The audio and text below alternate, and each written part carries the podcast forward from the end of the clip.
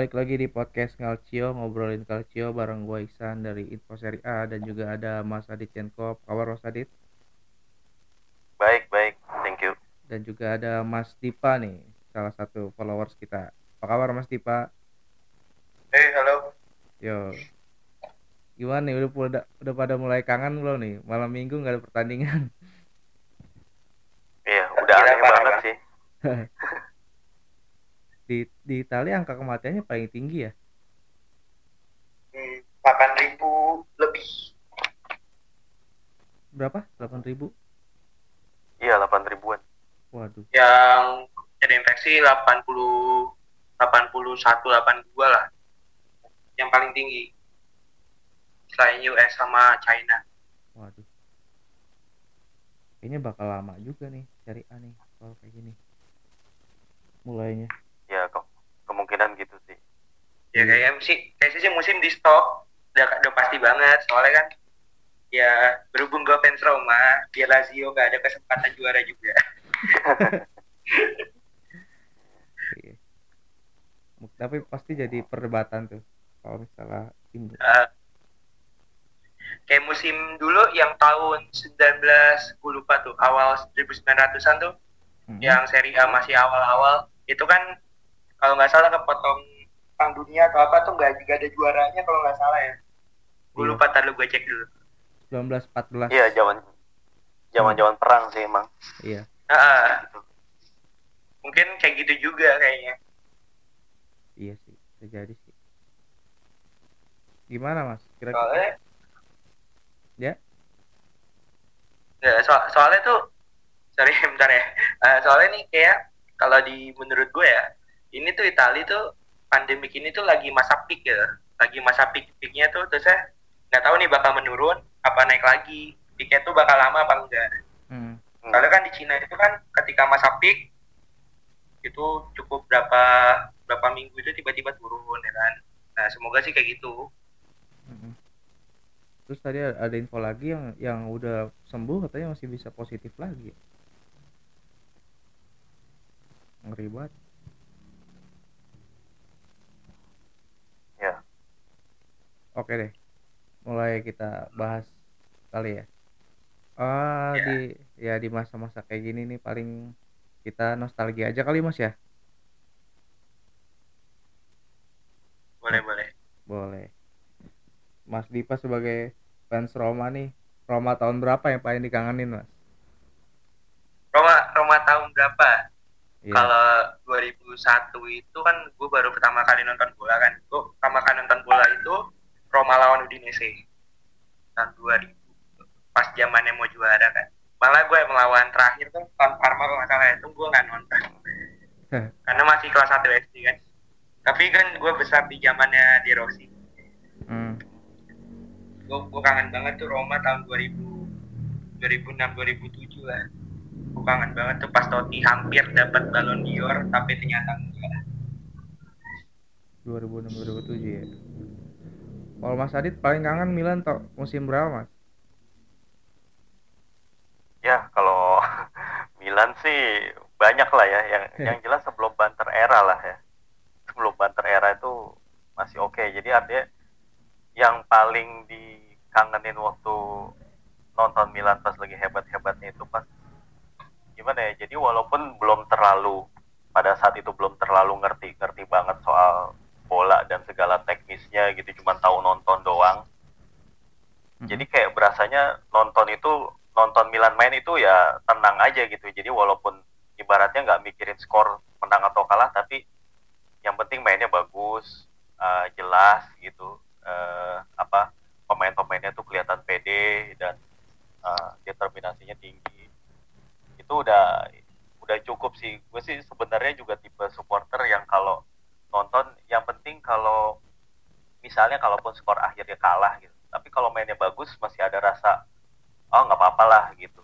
Ini cuman kayak bagian dari pertandingan gitu. tapi kalau main yang nggak bagus nggak meyakinkan itu nggak itu nggak menyenangkan kalau buat gue pribadi sebagai supporter ya. Dan udah dari tahun ya udah dalam berapa ya lima tahun terakhir kali Milan tuh mainnya nggak pernah meyakinkan gitu aja sih Tapi kalau Roma sebenarnya mainnya bagus terus deh. Cuma nggak jual. Ah. musim ini angin-anginan parah banget Tapi maksudnya setiap Roma itu setiap pelatih baru yang direkrut tuh biasanya udah punya filosofi yang jelas gitu. Biasanya ya punya gaya minimal punya gaya main yang menghibur lah. termasuk Ya. berani sih ya Roma ya Iya. Cuman ya gue gue pribadi sering itu Eh. aja ganti-ganti. Iya, gue pribadi tuh kalau sama Fonseca ya musim ini tuh gue kayak nih pelatih yang pengen banget. Kalau di FIFA ya kalau kalau di game tuh pengen banget gue liatin sama Fonseca ini. Karena kan dia dari Shakhtar Shakhtar Donetsk. Shakhtar Donetsk itu adalah salah satu tim yang paling sering menerbitkan pemain Brazil yang bagus. Contohnya William masa bola minggu eh salah satunya tuh William. Itu bagus banget. Dan gue harap tuh banyak pemain Brazil tuh bisa dibawa sama si Fonseca di Roma. Nah ternyata Fonseca itu malah ngambil tuh kayak pemain muda kayak kemarin tuh. Beli Gonzalo Velar sama Ibanez tuh kayak dia dia lebih suka pemain muda sih buat ini. Hmm. dan dia kurang kurang suka sama Cengiz Sander kalau gue bilang. Karena Cengiz Sander itu jam mainnya tuh kayaknya di musim ini lebih kurang kalau menurut gue sih gitu Mm. Under Under padahal bagus ya, Mas ya.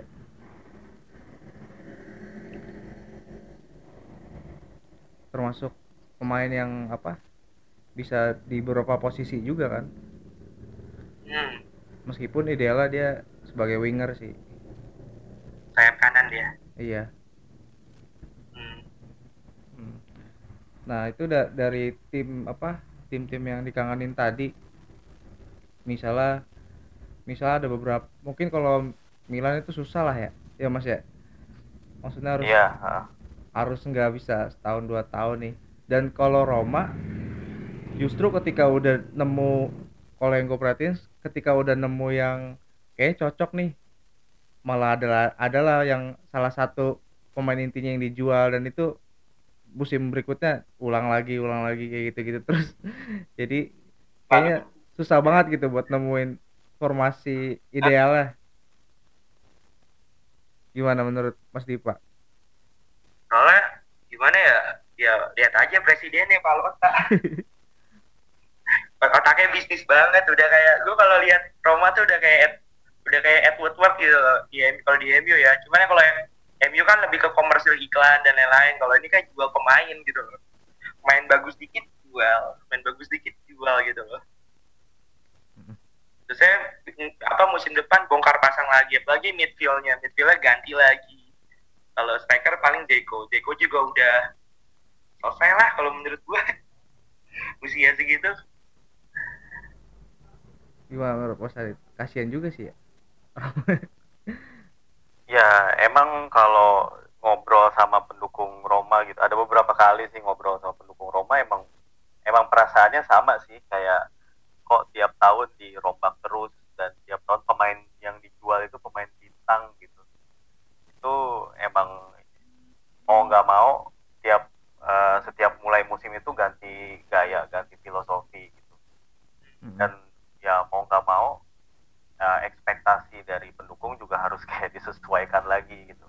Karena emang tujuannya si Palota sendiri juga emang benar setuju eh, lebih mentingin eh, sisi bisnis gitu ya. Tapi eh, paling enggak walaupun eh, ada sisi bisnis yang di, dipentingin paling enggak harusnya tuh ada kelihatan jangka panjangnya tuh mau bagaimana nih gitu. Paling enggak kapan punya target untuk uh, bersaing uh, Scudetto lagi misalnya dalam lima tahun kayak berapa gitu ini kayaknya Palota udah cukup lama sih ya udah berapa berapa tahun sih ya? udah lumayan lama lah ya bukan bu- nggak yang baru-baru banget ya Iya. Dan mau dijual juga katanya ya. Kabar terakhir. iya Ya. isunya gitu ah, isinya gitu Ini mau ada yang join lagi nih udah saya kasih linknya nanti. Itu aja ya. Langsung masukin aja. ah, oke ini seri awal awas juga kayaknya uh, udah jawab udah dikasih linknya juga Ya udah. Kita tunggu aja lah. gue gue ada pertanyaan buat Mas Adit boleh nggak Boleh, boleh, silakan. Ya, gue waktu itu nonton Milan. Waktu itu nonton Milan, gue tuh salah satu apa ya? Gue tuh nggak mau Milan tuh jatuh kayak sekarang gini. Dengan Hmm. mohon maaf ya, pelatih pelatih Milan itu sejak setelah sorry setelah mohon maaf siapa ya tahun 2011 itu Allegri. ya setelah ah, ah, setelah setelah Allegri itu Milan itu selalu dilatih mohon maaf ya kayak Inzaghi, Gattuso. Gattuso tuh bukan pelatih bagus menurut gue. Sampai Iya. Pioli pun Pioli itu buat gua untuk Milan, Milan tuh nggak lebih bisa bisa dapat pelatih yang lebih bagus itu daripada Pioli. Dan dan salah satu juga ya dari skema permainan ya. Ada satu pemain yang menurut gue tuh gak pantas buat main di Milan. Mm-mm. itu gue aduh bentar. Ada satu pemain yang menurut gue tuh gak nggak cocok main di Milan. Bukannya gue ini ya pertama itu Romanoli. Romanoli bukan karena di dia fans bukan karena dia dulu di Roma bukan. Sama Romanoli. Kedua Samu Castillejo menurut gue tuh kurang kurang banget. Bagi gue ya gue ngerasa tuh yang nonton Milan walaupun gue nonton di streaming legal karena gue suka Milan juga karena Milan itu bagus dulunya. Nah sama satu lagi Andrea Conti. Mhm. ya menurut gue tuh Milan bisa dapat yang lebih bagus daripada tiga pemain itu. Menurut lu gimana mas? Ini, ini menurut gue opini gue ya. Ya, eh, ya kalau soal pelatih sebenarnya eh, kalau kata manajemen itu kan selalu bilangnya ini soal finansial gitu ya. Kalau kemarin sih bisa mengerti kalau untuk yang dia nunjuk akhirnya nunjuk Pioli. Karena awalnya itu kan Milan pengen eh, pengen nunjuk Spalletti kan sebagai pelatih. Cuma karena Spalletti itu walaupun udah dipecat dari Inter tapi dia masih ada kontraknya gitu sama Inter. Artinya gajinya tuh masih dibayar sama Inter.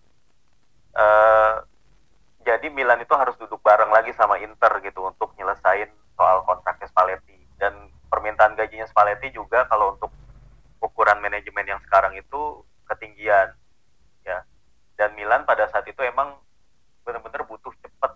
Nah satu-satunya nama yang eh, available pada saat itu ya si Stefano Pioli emang. Dan emang harus diakui Pioli itu emang ditunjuk cuma buat sementara waktu. Sementara waktu aja emang. Eh, jadi emang manajemen Milan itu nunjuk Pioli bener-bener gak bukan untuk jangka panjang sih. Gitu. Nah terus kalau tadi yang soal pelatih yang sebelum Pioli tapi sesudah Allegri ya emang setuju sih. Eh, karena harusnya Milan tuh bisa ngontrak pelatih-pelatih yang emang lebih baik daripada pelatih-pelatih yang pemula kayak Inzaghi, Clarence Seedorf, terus eh, apa namanya Gattuso, terus bahkan Sinisa Mihailovic sebelumnya kan. Harusnya emang Milan tuh bisa berani ngontrak pelatih yang lebih bagus. Nah ini emang sih ada kesalahan di manajemen juga yang kayaknya terlalu kayak idealis gitu. Kayak dari dulu kan Milan terkenalnya tuh eh, ngontrak pelatih yang eh, belum berpengalaman gitu. Kayak zaman dulu Arrigo Sacchi, Ancelotti sampai Capello itu kan sebelum jadi pelatih Milan tuh relatif belum terlalu gede namanya gitu ya. Ya tapi ya sayangnya ya situasi sekarang itu nggak bisa disamain sama dulu kalau dulu kan Milan tuh skuadnya itu udah bagus finansialnya juga masih oke Iya. lah gitu. Nah sekarang dengan kondisi kayak gini tentu nggak bisa disamain. Itu menurut gua ada kesalahan dari manajemen juga sih. Terus kalau soal tiga pemain tadi yang disebutin ya antara Conti, Castillejo sama Romagnoli ya. Ya kalau Conti kalau gue bilang emang pertama dia diganggu ya cedera sih. Dia faktor cedera pasti berpengaruh walaupun apa namanya eh, walaupun si ini tuh udah kayak pastinya namanya cedera ACL itu eh, itu eh, berat dan eh, bikin pemain itu harus ngeganti gaya bermain gitu ya. Itu kalau Conti kalau eh, Romagnoli emang menurut gua katanya emang dia ya mungkin ya kalau dibandingin sama back back Milan yang zaman dulu ya, ma- ya emang masih di bawah lah ya kalau secara kualitas tapi eh, kalau ngelihat bagaimana Romagnoli itu udah dikasih tanggung jawab uh, dia jadi dikasih ban kapten di usia semuda itu usia dia tuh jadi kapten umur 23 kalau nggak salah 23 atau 22 tahun. Dan udah gitu di, di tengah prestasi Milan juga yang lagi kurang menggembirakan ya. Menurut gue wajar kalau Romagnoli itu bebannya berat sehingga emang uh, permainan terbaiknya emang masih susah untuk keluar gitu. Terus kalau Samu sih ya emang masih nggak konsisten tapi kalau uh, secara mengejutkan sih ya di bawah Pioli sebenarnya Samu itu salah satu pemain yang uh, peningkatannya cukup uh, lumayan lah gitu. Nah, tapi kita mesti lihat dulu apakah uh, ini kayak baru sebatas formnya aja lagi bagus atau emang uh, sebenarnya Samu itu pantas dikasih kesempatan gitu. Tapi ya emang tapi uh, setuju juga kalau emang lu biasa nonton Milan pada saat tahun-tahun sebelum 2010 pemain yang kayak Samu itu nggak mungkin bisa masuk tim ibaratnya gitu kasarnya ya. Ya tapi bener, bener. ya emang untuk yang keadaan sekarang sih ya ya emang apa ya kayaknya emang harus diterima bahwa kayak gini emang keadaannya nah, sama satu lagi sih mas. Gua waktu derby Milan ya derby Milan itu ya. atau enggak pertandingan sebelum Milan yang musim ini uh, salah satu hal yang bikin gue bingung adalah kenapa Hakan Calhanoglu itu mainnya selalu di sayap gitu loh. Kenapa? Dia kan tipikal IMF ya kayak di belakang striker di belakang dua striker itu dia tuh pelayan kan. Kenapa masih selama di Milan itu dia lebih kebanyakan main di sayap gitu loh? Gue iya. agak agak lagi sih soalnya Martin Cahanoglu itu tadi pas dari di Hamburg kan dan Jerman iya. senang banget gaya mainnya itu bagus banget. Terus saya pas main di Milan gue kok loh kok dia main di kanan di eh sorry di sayap kiri atau enggak di sayap kanan kan? Kenapa nggak jadi gelandang serang? Kenapa nggak pakai empat dua tiga satu atau yang ada AMF di tengah gitu loh. Ya emang itu balik lagi soal preferensi pelatih itu sih ya. Oke deh. Oh, by the way selamat datang nih buat seri Alawas nih. Halo selamat malam semuanya. Selamat malam. sama ada Mas uh, Ferdi. Eh, mohon maaf baru baru bisa join nih. Salam kenal ya, ya. buat mas-mas yang lain. Ya buat nah, mas nah, di gue mas. Buat mas. Buat mas Ferdi juga. Halo ya, mas Ferdi. ya. Ya halo, selamat mas. datang semua ya. Nih tadi Oke, ma lanjutkan. Mas Dipa udah ada pertanyaan. Mungkin Mas Ferdi yang baru join ada pertanyaan buat Mas Adit atau seri Alawas uh, mungkin buat perkembangan seri ke depannya gimana mas ya? Ada info-info baru lagi? Apa bakal diberhentiin apa atau lanjut gitu? Oke. Ya. Iqbal mungkin. Oh, uh, aku yang jawab ya. Ya ya ya. Oke. Okay. Kalau ya sejauh yang aku lihat sejauh ini sih uh, belum ada kejelasan untuk seri A ke depan namun ada desas-desus yang beberapa dengar akan dilanjutkan di bulan Juli apa Juni ya lupa. Nah Del Vero juga sempat bilang Serie A bisa dilanjutkan tapi tanpa penonton. Kalau yang ingin menyelesaikan kompetisi. Namun ada banyak spekulasi lah sebenarnya karena kondisi di Italia sekarang kan masih darurat sangat-sangat parah lah dengan wabah yang terjadi. Jadi belum ada kepastian untuk uh, Serie A akan tetap lanjut atau bisa jadi musim uh, 2019-2020 ini bisa aja dihentikan dihentikan sih. Ya, tapi masih kita lihatlah perkembangannya nanti karena uh, kalau memang situasi di Italia udah mulai normal atau sudah mulai baikan dari sebelum-sebelumnya tidak ada korban lagi atau sudah banyak yang pulih udah tidak di lockdown lagi mungkin akan ada titik terang deh. Ya, tergantung perkembangan nanti aja sih sebenarnya Mas Adit mau nambahin mungkin? Ya emang uh, sama sih sama yang dibilang Iqbal. Uh, untuk sekarang ini emang agak susah kalau ditanya kepastian seri A itu bakalan kayak gimana kelanjutannya karena orang akan lebih uh, mentingin bagaimana wabah ini atau pandemi ini segera berlalu dulu dan kalaupun misalnya uh, corona itu selesai dalam waktu sebulan dua bulan ke depan itu kan juga nggak otomatis sepak bola itu bisa langsung dimainin karena kan pemain juga udah lama gak latihan itu kan. Udah gitu juga uh, semua mungkin ada infrastruktur yang terganggu atau yang perlu kayak dibangun ulang akibat uh, tempat buat dipakai untuk menanggulangi corona ini. Jadi emang pasti kalau apa namanya kalaupun misalnya seri A itu dilanjut di bulan Juni atau Juli itu juga ada satu problem lagi yaitu uh, untuk pemain pinjaman pemain yang dipinjam itu kan kontraknya habis tuh 30 Juni ya. Artinya hmm. jadinya kalau misalnya uh, Serie A itu dilanjutin bulan katakanlah sampai bulan Juli atau bahkan sampai Agustus yaitu situasi kontrak pemain yang dipinjam itu juga harus dipikirin juga.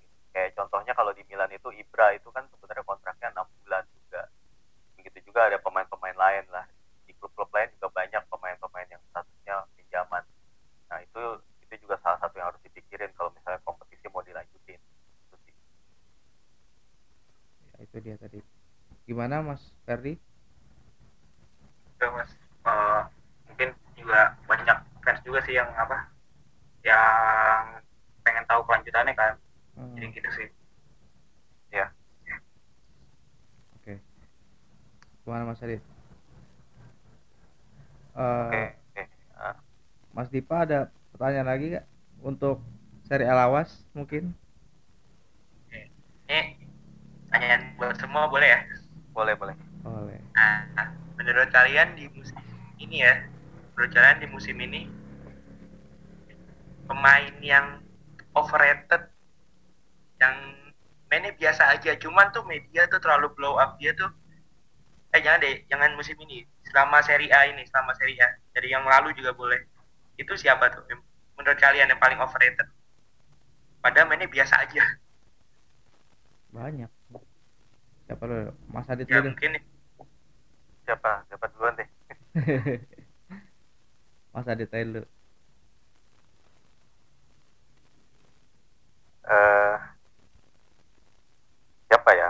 Uh, kalau yang overrated itu ya paling kalau kalau di kalau di Milan sih gue ingetnya sih kayak pemain kayak Lentini sih yang zaman dulu sih ya. Yang di Lentini karena ya sebenarnya dia tuh masih terlalu muda gitu waktu dibeli Milan dan jadi pemain termahal dunia. Tapi akhirnya ya ya emang sih ada ada unsur yang nggak beruntung juga dia kecelakaan gitu. Tapi tetap aja uh, Milan itu menghargai Lentini semahal itu menurut apa ya nunjukin uh, uh, tindakan menurut nggak bukan hal walaupun pada saat itu ya. Hmm. Kalau Iqbal siapa Bal?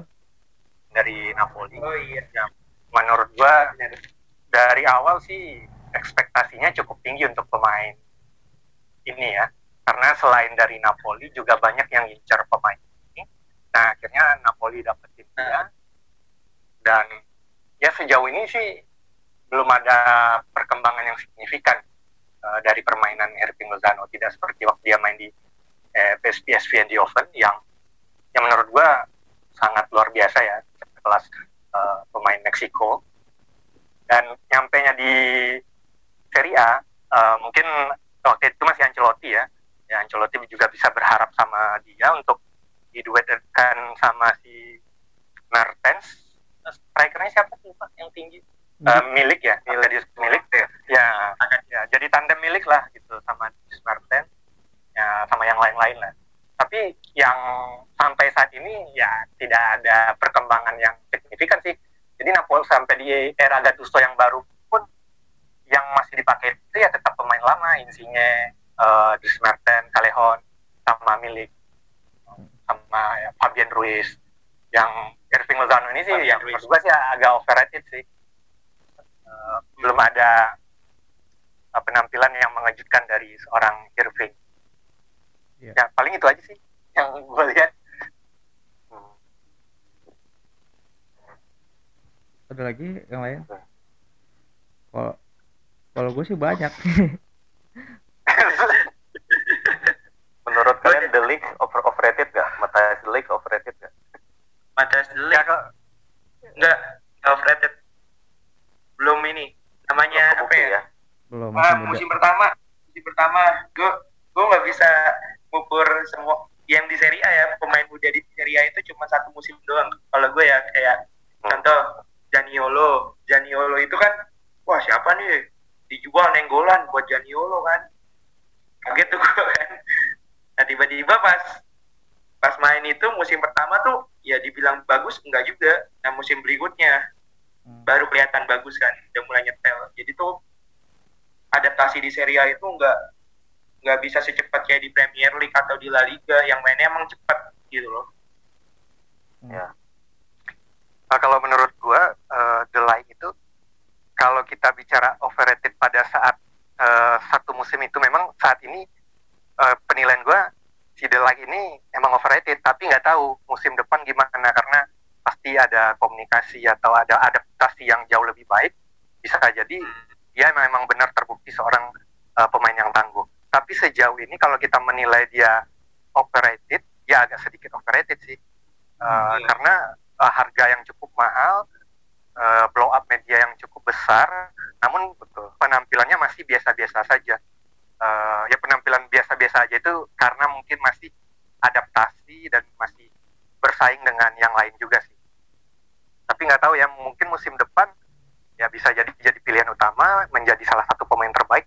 Ya karena umurnya masih sangat muda soalnya masih ada buat eh, menjadi lebih baik lagi, menjadi pemain eh, yang lebih eh, ya kalau terkenal udah terkenal ya mungkin lebih jago lah gitu karena banyak senior senior mungkin ya di Juventus yang back back tangguh semua tuh.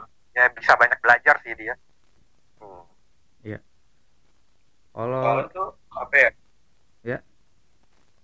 kalau the like the like itu menurut gue ya menurut gue tuh terlalu muda buat buat pindah ke Juve gitu loh. Harusnya tuh ditahan di area divisi dulu sampai beberapa tahun. Kita lihat ya dulu kayak Dries Mertens. Dries Mertens itu di area divisi itu berapa tahun? Ya. berapa tahun baru pindah ke Napoli kan Napoli mainnya sampai sekarang konsisten itu Ya, Delik benar. itu terlalu uh, Delik itu terlalu cepat buat pindah ke Juve kalau menurut gue sama kayak sama kayak Justin Kluivert lah. Justin Kluivert tuh betul kecepatan. sekali iya bener Justin Kluivert Nah, ya kalau menurut gue sih kalau seorang pemain eh, tersebut misalnya ini pemain Eredivisie atau pemain League One eh, misalnya yang nggak anggaplah Mbappe kalau Mbappe itu sempat pindah ke Inggris atau ke eh, Madrid atau Barcelona menurut gue dia nggak akan nggak bakal langsung sejago ini lagi. Karena menurut gue dia apa, pilihan yang tepat bertahan di liga sendiri gitu. Karena masih butuh waktu ya setahun dua tahun lagi karena masih sangat muda kan. Seandainya dia pindah ke eh, Inggris atau ke Spanyol itu nggak akan kita lihat Mbappe seperti yang sekarang gue setuju sih kalau memang eh, pemain yang muda-muda itu emang harus bertahan minimal ya satu tahun dua tahun lagi untuk eh, memantapkan atau memaksimalkan kemampuannya sebelum bersaing ke eh, kompetisi yang lebih tinggi lagi gitu. hmm. Ya. Tapi sebenarnya ke Serie A nggak apa-apa kalau misalnya ke datangnya ke Sampdoria atau ke tim-tim papan tengah. setuju sih sama ini ya sama apa duet sama man, apa Manolo Gabbiadini ya. Karena belum atau ada main ke tuntutan. Atlanta boleh juga. Bisa. oh iya Hmm. Ya. Ntar ini kata apa kalau Delik ke Atalanta ini yang yang jadi jenderalnya mata apa Derun Iya, Drun. Martin turun. Martin Derun Martin Derun nah, bagus banget itu dia underrated tuh pemain underrated kalau Hmm. underrated tuh Martin Derun itu bagus banget Nah, ya kalau soalnya Martin Derun itu di Belanda nyadangin dia bikin cadangan tuh Kevin Strootman itu dibikin cadangan sama Martin Derun Martin Derun tuh pilihan utamanya kalau di Belanda Hmm. Nah, kalau misalnya overrated tadi di Roma lumayan banyak tuh. Oh, Sebenarnya ya, banyak banget musim kemarin ada Nzonzi, Ja- Betul. Justin Kluivert juga termasuk rekrutan overrated karena belum waktunya. Terus? Sama salah satu lagi tuh. Coba Juan Manuel Iturbe. Oh, iya. the, the next Messi. zaman dulu ya. The next Messi. Eh ternyata pindah ke Paraguay. Sekarang ada lagi nih yang dikhawatirkan kayak bernasib eh, apa namanya meredup nih. Karena udah kayak hype-nya gede banget. Itu Kulusevski Oh iya. Hmm, oh iya. Ini Chelsea itu kiper terbaik di dunia loh. Jangan salah loh. Gimana? Waktu di Roma cadangin kiper terbaik di dunia Alisson. Waktu di Juve cadangin kiper terbaik di dunia Buffon. Bukan kiper, Ini Kul Gelandang Kulusevski. ya mas gelandang ya. iya Oh gelandang sorry sorry. Ya, dari pemain Atalanta yang dipinjamin ke Parma. Hmm. Mahal juga ya dibeli Juve ya? mahal Ah, 30-an ya Ah, 30-an kalau nggak salah. Iya Hmm. kayaknya sejak tiga lima tiga lima tiga lima diumumin ini ya sejak diumumin transfer ke Juve itu kayaknya belum mainnya kayak jadi turun gitu ada ada Iya. gitu sih Hmm. Terus kalau kalau Inter yang paling overrated dalam beberapa tahun terakhir kayaknya Joao Mario. oh iya Lo Mario iya sih itu sama Miranda sih mas Iya. Ya. Kalau Miranda Ya, masih Miranda juga masih mending lah masih kepake. Hmm, Miranda juga free kan? Free waktu Iya. itu. Mm-mm. Jadi nggak rugi-rugi banget. Hmm. Iya. ya Kalau Milan ya di eranya siapa? Mirabelli itu hampir overrated semua termasuk Bonucci. Iya, Iya. semuanya sih. hampir semuanya itu sih sebenarnya Apalagi Andre Silva, ya kan? Wah itu kacau. Ronaldo the next Ronaldo Oh, pokoknya yang Beruntung kalau banget di Milan Donnarumma. itu ya lanjut lanjut. Apa? Sorry, sorry, sorry. Gue tapi beruntung banget Donnarumma tuh nggak pindah tim. Itu bener-bener matang banget di Milan tuh bener-bener calon. Ya udah pasti kiper timnas lah. Udah pasti udah, pasti bakal lama jadi kiper timnas dia. Mm-mm. Nah itu Benar keputusan yang sih. itu keputusan yang bagus. Yang pemain muda yang keputusan bagus ya Donnarumma. ya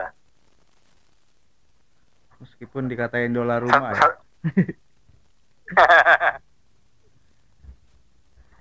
Nah, Dan satu lagi menurut gua di Milan itu pemain yang overrated selalu overrated itu pemain yang bernomor punggung 9 setelah Filippo Inzaghi. Itu semuanya Oh. overrated.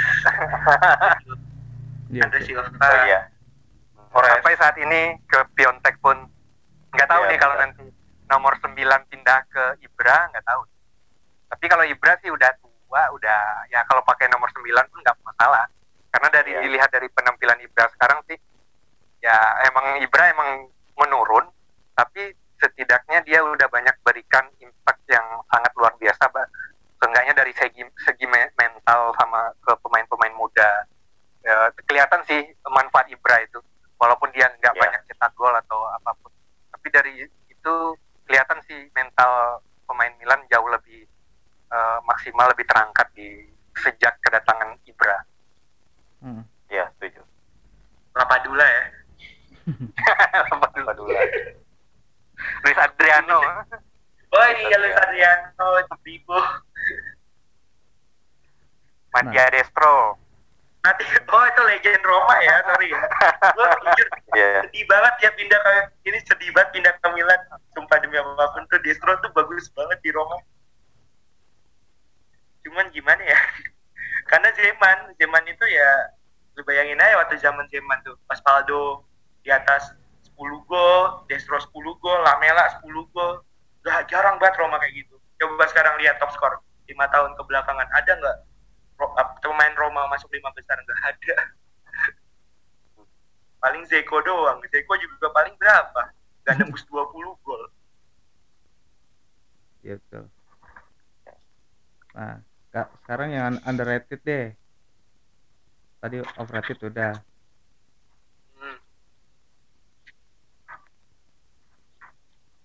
Siapa menurut Apa? Mas Ferdi dulu kalau underrated Ya. United siapa ya duluan deh Coba duluan, coba duluan, duluan ya.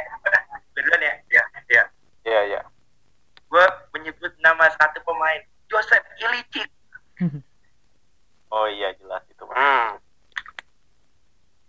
Joseph Ili- ya udah tuh Joseph Ilicic sama si Gomez Gomez yang Atalanta Hmm. udah itu yang underrated tuh bagus buat tiga dia sama Derun dah Kayaknya semua pemain Atalanta underrated deh.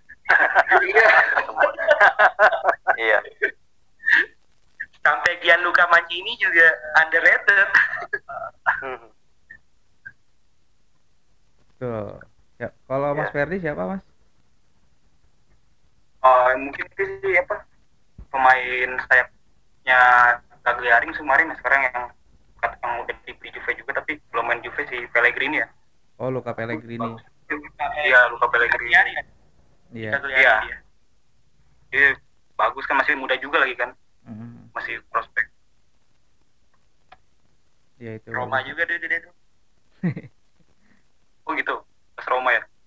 AS Roma bek kiri dulu Roma kan yang Primavera-nya kan sempat masuk final champion kan final champion yang youth itu kalah Hmm. sama Chelsea di final Tuh El Pellegrini ada dua tuh di Roma kan kemarin. iya Musim suka sama Lorenzo Mm-mm. Tapi jadi cadangannya Kolarov doang nggak mau dia. iyalah Kolarov gak ada obatnya aki legend Kalau Iqbal siapa? Underrated, Bang? Selain Atlanta. Kalau kalau gua ada Luis Alberto Lazio sama Ciro Immobile. Ya, dua pemain itu sangat sangat impactnya sangat luar biasa buat Lazio buat tim Simone Inzaghi sejauh ini. Apalagi sekarang kan eh, Immobile mas menjadi top skor ya, mas di udah berapa gol ya? 26 lebih kalau nggak salah. ya. Iya. Lebih ya. Mm-mm. Iya. Sama ya Luis Alberto lah eh, pemain tengah yang ya bisa dibilang bukan siapa-siapa sih di Liverpool nggak kepake sebelumnya main di Sevilla kalau nggak salah. Sekarang baru Iya. dilirik sama timnas Spanyol buat main di timnas. Dan itu selama kurang lebih dua atau tiga tahun ini main Luis eh, Alberto ini sangat konsisten sih menurut gua. Eh, semakin setiap tahun dia semakin berkembang permainnya semakin bagus dan semakin matang. Sama Immobile ya karena balik ke Itali lagi eh, udah jauh lebih bagus lah Immobile sekarang nggak tahu nih. Tapi kekurangan dari tipikal tip striker Itali saat ini sih di klub bagus tapi di timnas belum ada impact yang signifikan sih. Masih Iya. untuk sebatas klub emang uh, underrated sih si Immobile tapi di timnas belum terbukti lah uh, seorang Immobile itu sama siapa lagi ya nah, Fabio Brini sih menurut gua underrated sih di Milan kalau dilihat ya, im- ya impactnya cukup di bagus posisi. karena dia karena bermain di berbagai posisi dan uh, sering nyetak gol juga sih kadang di saat-saat Iya. momen-momen buntu dia bisa nyetak gol tahu-taunya dia dipindahin ke Verona ya tahu. di Verona dia sempat cetak iya gol di Verona Lawan Juve kemarin golin ya. Nggak salah. Iya, lawan Juve tandem Brini, sama tandem sama Pazzini kan Iya. iya iya benar Roma juga tuh akademi tuh ya paling itu doang sih pemain yang underrated yang sejauh ini masih sebenarnya masih banyak sih cuma yang paling signifikan sih itu sih selain ya dari pemain-pemain Atalanta ya Hmm. Mas Adit, ada yang ditambahin? Eh, ada pemain Lazio satu lagi yang masih sampai sekarang jarang diomongin tapi padahal mainnya bagus dan masih muda. Itu backnya backnya dia tuh eh, Luis Felipe. Oh iya. oh iya bener. Felipe. 20 masih 23 tahun itu ya ter- apa namanya khas transfernya Lazio lah yang tadinya bukan siapa-siapa nggak kelihatan siapa-siapa toto bagus gitu dan mahal. Ini sekarang dia udah kayaknya udah jadi tandemnya ACRB sih sekarang. Paling itu yang mau gue tambahin selain itu eh, Amrabat paling ya. Oh iya berapa Merapat Eh, itu kayaknya bintang musim ini tuh. Di Malaga tuh inget tuh Amrabat sama di Liga Inggris. Ya beda, tapi beda orang kan ya. Amrabat siapa itu? di botak buat Nurdin Amrabat kan yang botak. Oh, pemain Turki ya? Dari Maroko. Maroko. Oh Maroko, Maroko ya? Maroko ya benar Maroko.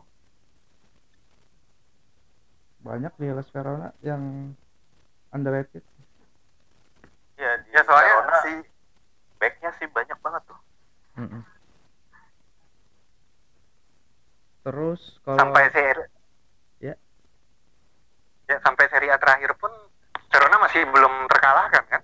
Kalau nggak salah 6 apa 7 pertandingan belum terkalahkan sampai sekarang. iya. Ngalahin Juve loh. Iya. ya benar ngalahin Juve. Ajaib banget tuh. Keren. Cuma kayak model-model Hellas Verona itu kayak tim Yoyo, Chievo Verona, ya satu kota tuh tim Yoyo yang tiba-tiba naik, kita turun lagi gitu, kita naik lagi, iya benar-benar. Mm-mm, tim tim tim Yoyo gitu, yang nggak nggak stagnan di Serie A tuh dalam jangka waktu 5 sampai 10 tahun gitu. nih misalnya nanti ini udah itu ya ganti pembahasan ya.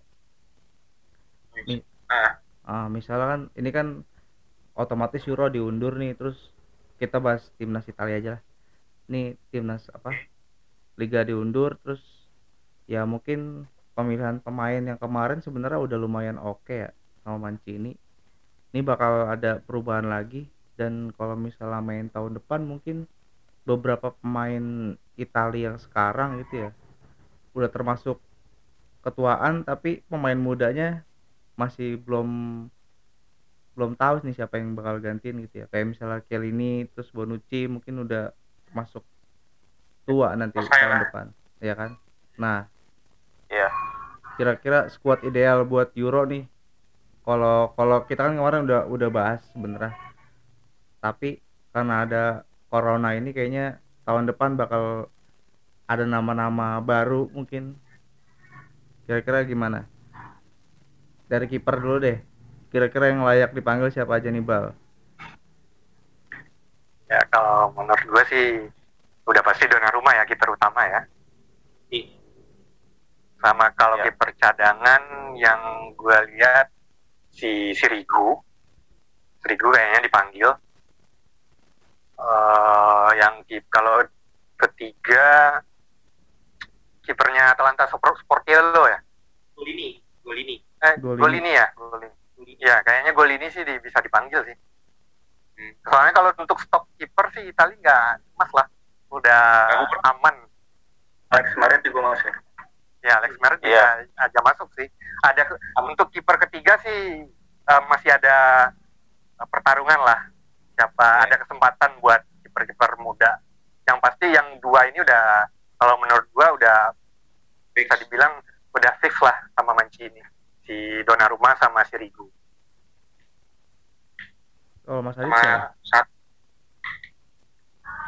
Iya, kalau kiper sih paling ya, ya itu ya benar kata Iqbal sih eh, Donnarumma Sirigu sih masih aman ya. Kalau emang tentunya kalau mereka nggak mengalami penurunan drastis banget gitu. Nah, kalau soal Sirigu nih sebenarnya belakangan ini kan Torino juga formnya lagi jelek ya. Ka- Kalah berapa? Tujuh, tujuh pertandingan beruntun. Nah, Iya, ya benar. Secara mental seharusnya Sirigu nih lagi kurang oke nih. Tapi ya kita nggak tahu ya kalau emang Euro diundur eh, musim depan apakah Sirigu itu bisa balikin lagi formnya sih harusnya dia sih tetap tetap aman gitu. Tapi kalau yang aku lihat dari eh, permainan To- Torino emang banyak kebobolan, tapi dari Hmm. segi penyelamatan set Sirigu lumayan ya. banyak gitu. Ya banyak. Hmm. Oh ya. Normal Eh, karena ya biasanya kan kalau ketika tim jelek itu ya biasanya backnya yang jelek, ya kipernya tetap tangguh gitu. Hmm. Biasanya gitu kan. ya ya. kayak De Gea lah di kalau di MU Iya. back deh back back back muda nih yang layak kira-kira layak dipanggil nih dari Mas Ferdi atau Mas Dipa kira-kira siapa Eh, gue sih oh iya kalau di umur ini ya mid- yang peaknya kan 25 sampai 32 ya. Iya. Kalau gue kalau gue belum lihat back mudanya. Tapi sih kalau gue kalau di back kanan ya, gue pengen lihat Giovanni Di Lorenzo Mm-mm. yang Napoli. Nah terus sama di sama Cristiano Biragi sih. Kalau gue gue gue seneng banget sama mereka berdua Biragi sama Lorenzo. Kalau tengah back nah kembali lagi backnya kan Celini Bonucci udah umur ya paling yang diandelin Romagnoli sama backnya Torino tuh siapa? Izo Izo ya. Iya, Izo. Ar- Armando Izo. Ah, tapi kan lihat sendiri Torino musim ini, tapi nggak tahu musim depan ya. Musim depan bakal kayak gimana. Sama saat ya sa- satu lagi back muda 23 tahun itu Gianluca Mancini. Ya, itu sih gue. Kalau dari defender. Mungkin tambahan ini mas Danilo De Ambrosio ya mungkin bisa sih. Oh iya, benar. Hmm. Kalau Florenzi, gue sebagai fans Roma dari dulu, Florenzi itu adalah pemain yang pas-pasan. Florenzi itu adalah seorang anak yang cinta sama Roma, yang main cuma ngandelin semangat dia cinta sama Roma. Udah, mainnya biasa aja. Aslinya bukan back kanan kan. Dia tuh sayap kanan aslinya. Posisi awalnya tuh di Primavera itu sayap kanan. Terus dia mundur lagi jadi gelandang tengah, mundur lagi jadi bek kanan. Itu udah ya udah nggak ini. Ya emang sebab Ya. bisa, cuman pas-pasan. Bukan bukan pilihan utama. Oke, gue setuju banget Lo- Lorenzo eh apa Lorenzo itu di di dipinjemin ke Valencia. Emang gue dari dulu tuh nunggu itu.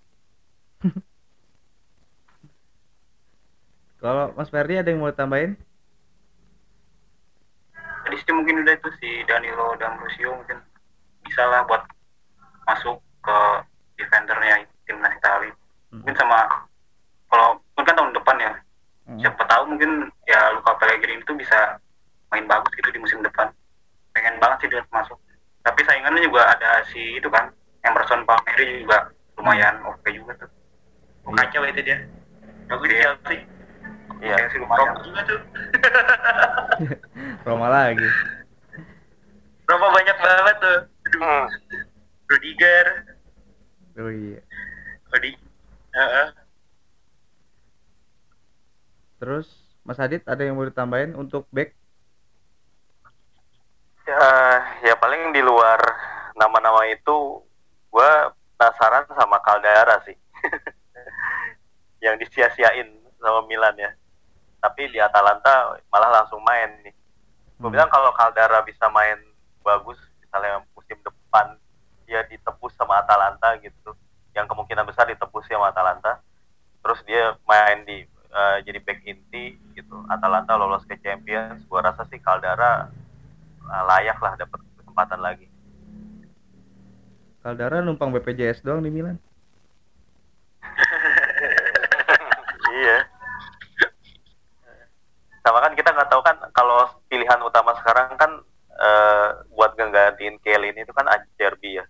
Nah, tapi kita nggak tahu Acerbi musim depan mainnya masih kayak sekarang atau enggak gitu. Sebenarnya kan Acer kalau misalnya Euro tetap 2000 berlangsung tahun 2020 itu Acerbi itu kemungkinan Iya. bisa jadi back inti. Tapi ya kita nggak tahu musim depan ini bisa jadi ada keuntungan juga misalnya Romagnoli bisa nyodok atau kayak ya tadi kayak Caldara gitu.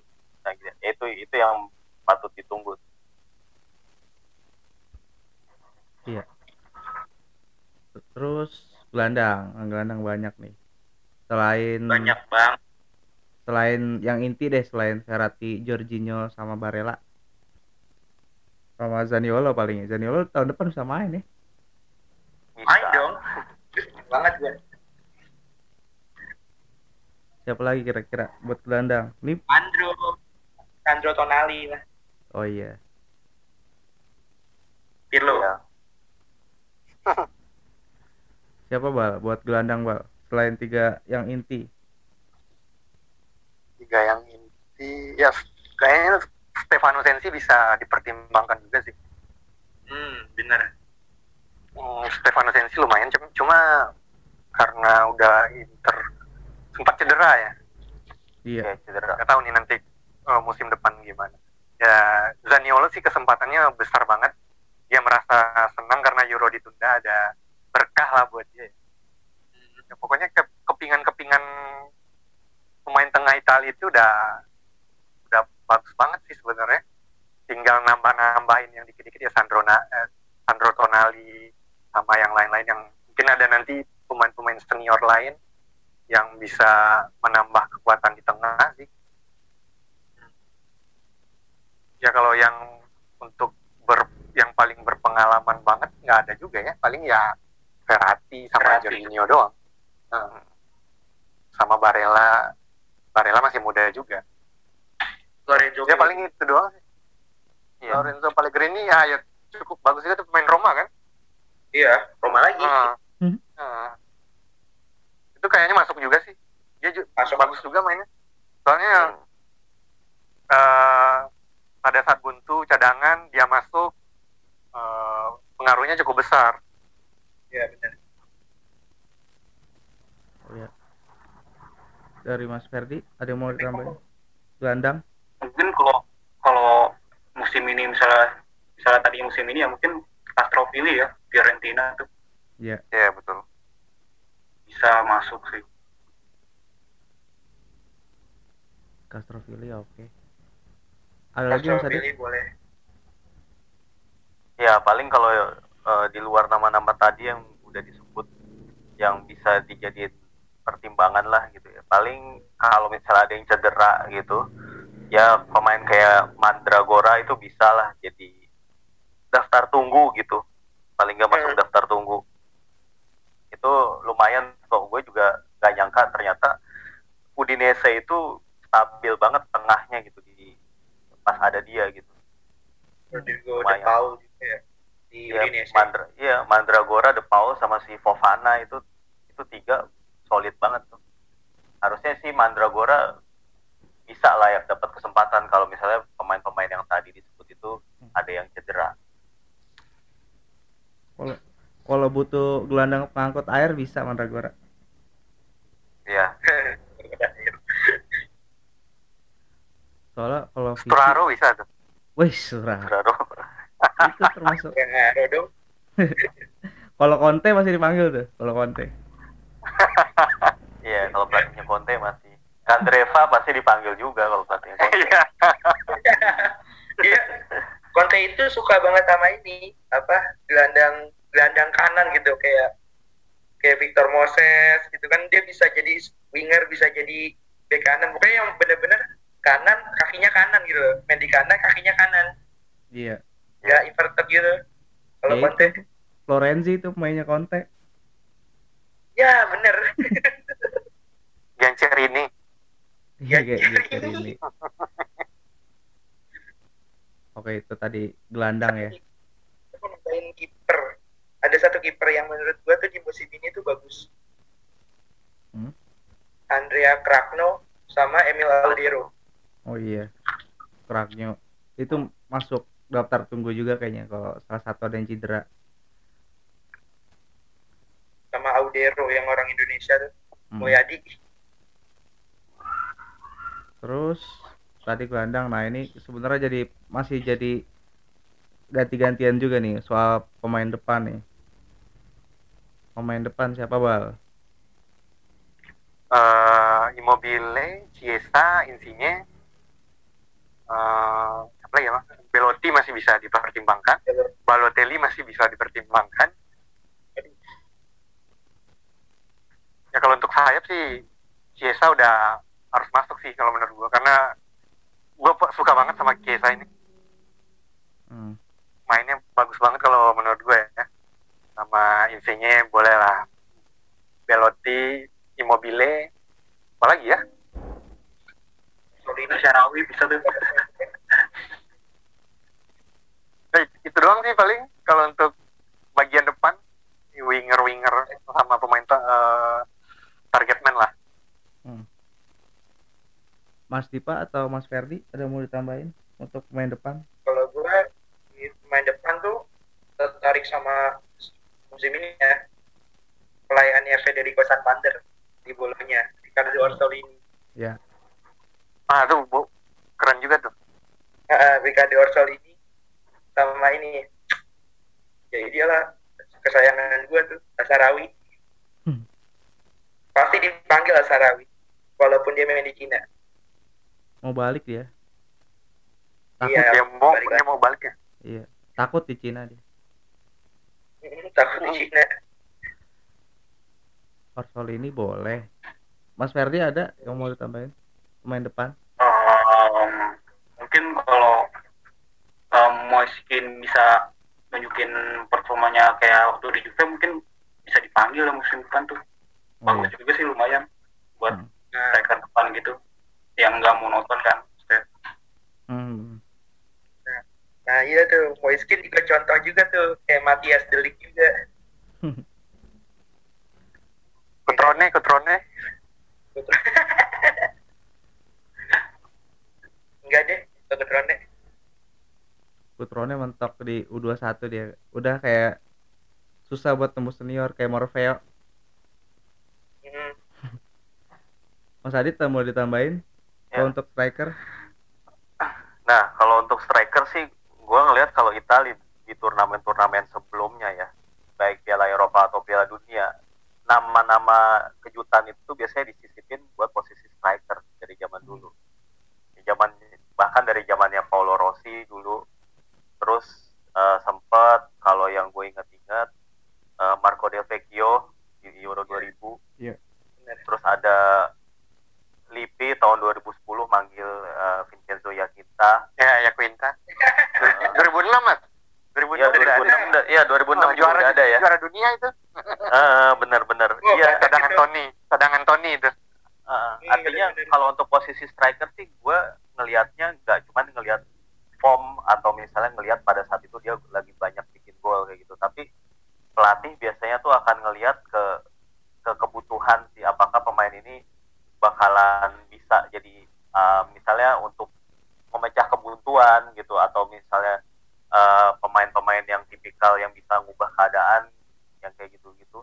Tapi di zaman sekarang sih gue juga agak belum terlalu bisa ngelihat ya pemain yang itu siapa yang kayak itu tuh.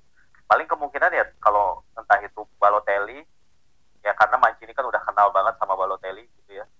Atau mungkin ya yang agak tipikalnya beda dengan yang tadi disebutin paling ya Andrea Petanya kali ya yang tipikal yang target man gitu. Kalau emang pengen menangin bola-bola atas gitu.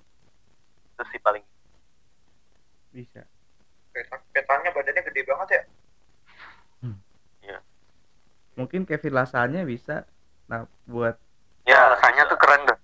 Bisa Iya dia pekerja keras, nah, bener. Dia pekerja keras, posturnya bagus. ya kalau buat tipe-tipe kejutan gitu bisa tuh rasanya. Karena counter attack sendiri pun bisa dia. Ya, ya kan ini nggak ada oke itu baru tadi empat ya. gol dia musim di Serie A Kevin Iya. rasanya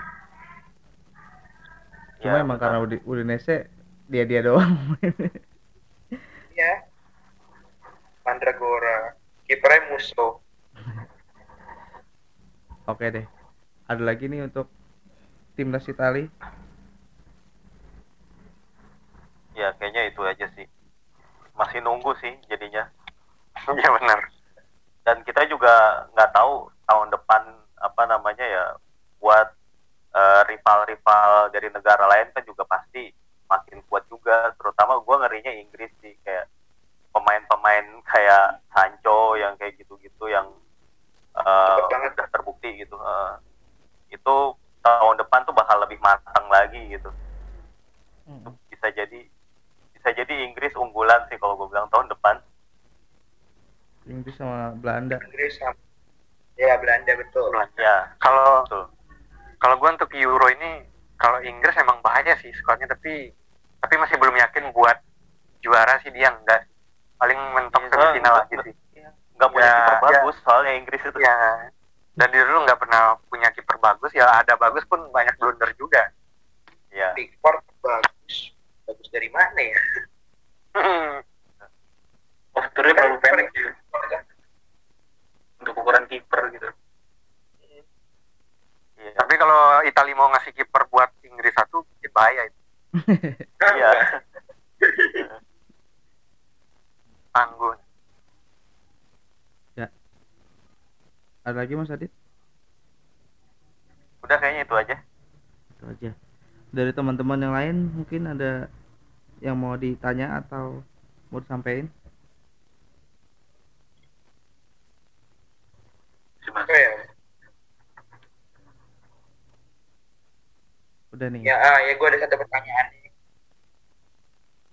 Di beberapa tahun belakangan ya, di beberapa tahun belakangan ini, gue selalu memperhatikan tuh pemain Serie A ketika dia pindah ke liga lain, ya jarang yang dapat tuh langsung tim besar. Sementara liga lain, contohnya Inggris atau Spanyol, pindah dari Spanyol ke Italia itu langsung dapet tim bagus sih, loh. kayak ya papan atas lah. Itu gue kenapa ya? Gue juga bingung ya. Nah dan juga dan juga eh, harga pemain Itali itu pas pindah ke Inggris itu murah. Sementara orang Itali beli pemain Inggris itu mahal banget. Itu aneh banget juga menurut gue. kalau kalau ke Inggris karena kita kalah jualan itu aja kalau Padahal sam- banyak pemain Inggris. Kalau sama Spanyol kualitas sih. Gimana? Kalau mungkin Mas Adit atau Iqbal punya pendapat lain? Kalau gue sih lebih ke kompetitifnya sebuah liga ya. Karena dibandingin Spanyol sama Inggris itu Italia masih di bawah untuk kompetitif sebuah liga dan eh, so, eh, kita bisa merefleksikan eh, Inggris sekarang itu Italia ya 20 tahun yang lalu gitu. Itu yang terjadi sekarang. Jadi ibaratnya sekarang itu roda itu lagi muter Italinya lagi di bawah gitu. Nah, yang yang keren itu sih menurut gua kayak Belanda sama Prancis. Walaupun liganya gitu-gitu aja sama Bundesliga, maksudnya eh, liganya masih bertahan di bawah tiga nama besar ini. Tapi pemain-pemain penjualan pemainnya pasti mahal-mahal. Karena memang mereka fokusnya dari dulu memang buat eh, bibit-bibit pemain muda yang akan diterjunkan ke tiga liga besar ini. Yang kalau gue penilaian gue ya. Nah kalau di kondisi Italia sekarang itu ya kayak gitu. Eh, ketika pemain ada yang pindah dari Italia ke liga lain ya dibeli murah aja. Karena emang dari segi eh, kompetitif dan kualitas masih di bawah dua liga ini. Dan sebaliknya ketika eh, dari Inggris atau Italia ke eh, dari Inggris atau Spanyol pindah ke Italia eh, terjual mahal atau dibeli mahal karena emang dua liga ini lagi di atas dan wajar sih gitu. Misalnya ini pemain ini dari salah satu liga terbaik lah saat ini dan pindah ke Italia dibeli dengan harga mahal kalaupun nggak dibeli harga mahal gajinya mahal. Itu sih wajar-wajar aja sih kalau menurut gua karena roda kompetisinya emang lagi eh, berbeda aja. Mas Adit boleh tambahin Ya, Mungkin juga karena itu ya exposure media juga sih harga-harga pemain Inggris bisa mahal juga gitu jadi jadi mahal banget. Misalnya contoh kayak gosip Donnarumma sekarang kan katanya harganya 40 juta gitu ya. mungkin kalau Donnarumma pemain Inggris gitu harganya nggak akan segitu nggak akan terlalu nggak akan 40 mungkin bisa 80 sekian mungkin. Hmm. gitu sih. Masa kiper asal kiper Kepa Arrizabalaga aja harganya segitu gimana Donnarumma coba? Ya benar, makanya karena eh, menurut gua karena kompetitif sebuah liga tadi, karena blow up-nya pasti akan besar-besaran gitu. Kalau misalnya kita kembalikan ke Italia zaman dulu, lihat deh harga-harga pemain Serie A zaman dulu. Itu gila-gila loh dibanding sama Inggris sama Spanyol itu gila-gila sebenarnya. Ibaratnya kalau kita ngikutin ya emang Serie A dari awal, apa yang kita lihat sekarang itu udah pernah kita lihat sebelumnya gitu. Cuma nilainya aja yang beda gitu.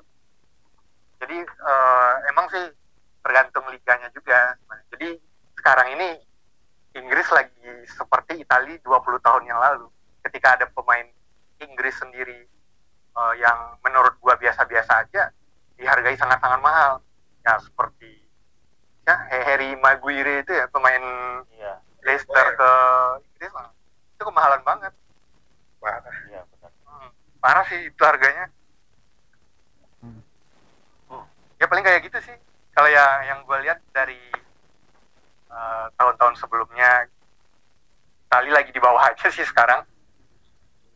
Iya. Memang eh, sejauh ya kalau mau nggak mau eh, Italia harus berani berubah sih, berani move dari masa-masa lalu lah, meninggalkan eh, masa-masa yang sudah berlalu gitu untuk pindah ke kompetisi yang lebih segar lah. Emang Italia itu tradisinya kuat banget soalnya. Tradisi orang-orang Italia sendiri kuat banget. Nah kalau mereka masih berpikiran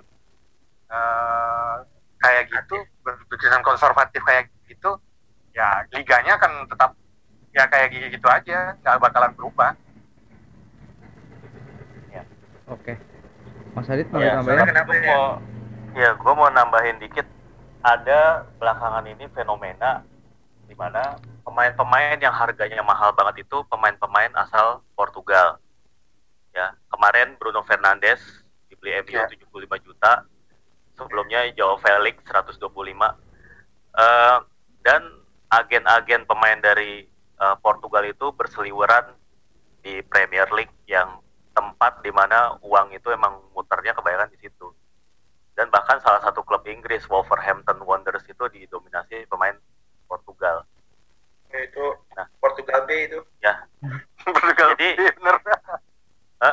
gue sih ngelihatnya di sini eh, ada peran agen juga sih. Ada agen pemain yang dekat sama pemilik-pemilik klub gitu, yang mana itu kebanyakan didominasi orang-orang orang-orang dari Portugal. Itu sama ya orang kayak kayak Mino lah, Mino Raiola gitu dan dari sini juga kita lihat juga eh, apa Mino Raiola kan nggak terlalu banyak mewakili pemain eh, muda Italia yang potensial gitu jarang lah sekarang nggak banyak ini mungkin si Mino juga ngelihat mungkin pemain-pemain Italia itu untuk saat ini nggak ada yang bisa dalam tanda kutip dijual gitu.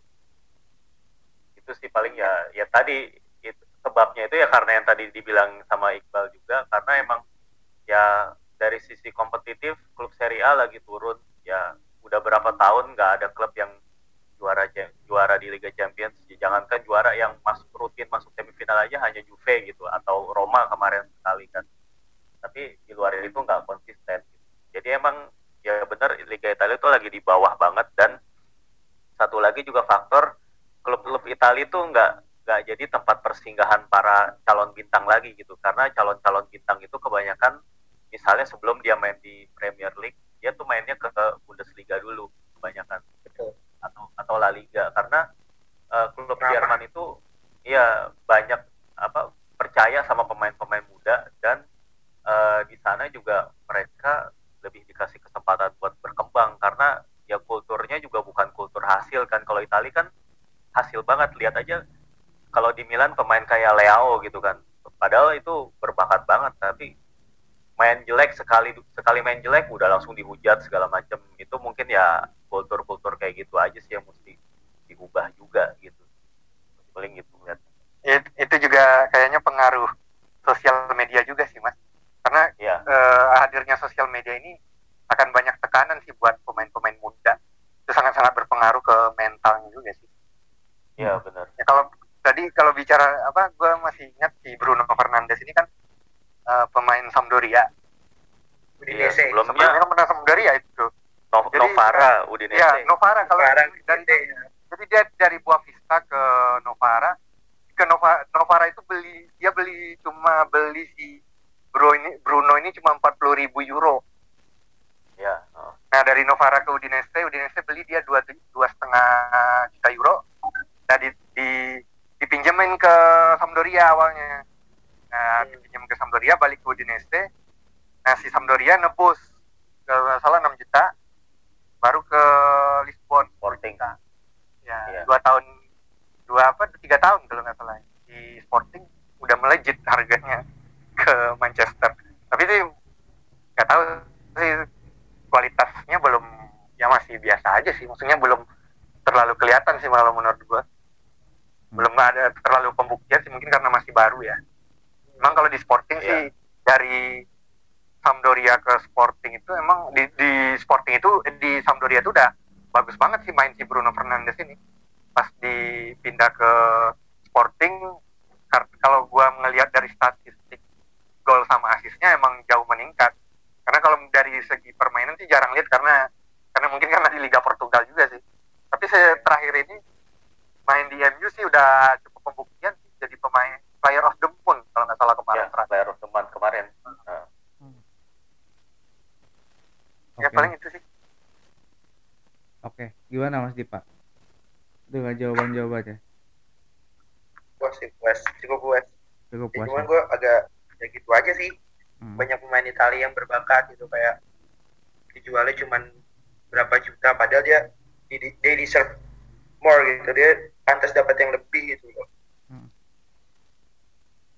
Kalau yang beli Iya. MU bisa mahal sebenarnya. Iya orang tim orang tim yang pemain tuh jual ke MU pasti dimahalin Tapi kalau dilihat tradisi pemain Italia sih dari dulu kalau ada klub luar yang beli juga harganya nggak terlalu mahal. Nggak ada yang muluk-muluk juga harganya. Dan di Serie A pun ya zaman-zaman dulu justru pemain-pemain termahal itu datang dari luar-luar Italia kan. Ya. Iya. Paling yang mahal Iya. dari dulu di Italia itu Christian Pieri. Eh, Gigi Lentini juga mahal juga dulu waktu itu tempat jadi pemain termahal dunia kalau salah. iya dulu. Nah, Oke deh. yang pokoknya kalau dari Italia ke luar sih nggak ada yang mahal sih. paling paling mahal Zidane sama Kakak itu. Oh iya. kakak Karena nggak nggak ada yang dibeli dengan dalam keadaan bener-bener matang sih. Maksudnya, misalnya sebenarnya kayak contohnya Pogba aja. Pogba kan udah matang tuh baru dibayarin mahal. Ya. Sebenarnya bisa aja sih pemain-pemain dari Serie A tuh dihargain mahal ketika di waktu yang tepat dan pembelinya tepat gitu aja. Pemain seri yang gak marketable kali ya kalau Pogba kan aktif di sosial media juga kan Makanya bisa jualannya dia. Rayola juga. Ya, kalau kalau Iya, pemain Guardiola. itu bisa ada punya apa ya skill entertain yang bagus sih bakal mahal. Hmm. Cardi Tapi jangan kebalik. Icardi jangan, bagus, jangan tapi banyak kontroversi aja. jangan cuman entertainnya aja tapi mainnya bagus. Di Kalau menurut gua kalau Icardi sih nggak entertain sih, cuma masalah bininya doang sih. iya. bininya entertain Maxi Lopez Oke. udah kayak opera sabun lihat itu lagi nonton sinetron Itu tikungan tajam. dengan tajam Tuh, itu kalau di Padang kelok 9, Bal. Kalau kelok sembilannya, Belok nggak kelok nggak kelok empat puluh empat. Oke deh. Ada lagi gak? Mungkin Mas Ferdi ada yang mau ditanya terakhir? udah sih mas Udah. mungkin teman juga tadi pemain yang agak mahal dijual mahal itu mungkin salah sama Alisson juga ya dijual ke Liverpool lumayan juga harganya gede iya Oh Iya. benar. Iya. Ya. Nah itu karena dijual di waktu yang tepat. iya betul Mm-mm. itu Manolas sekarang tuh biasa aja kadang bukan Alisson kipernya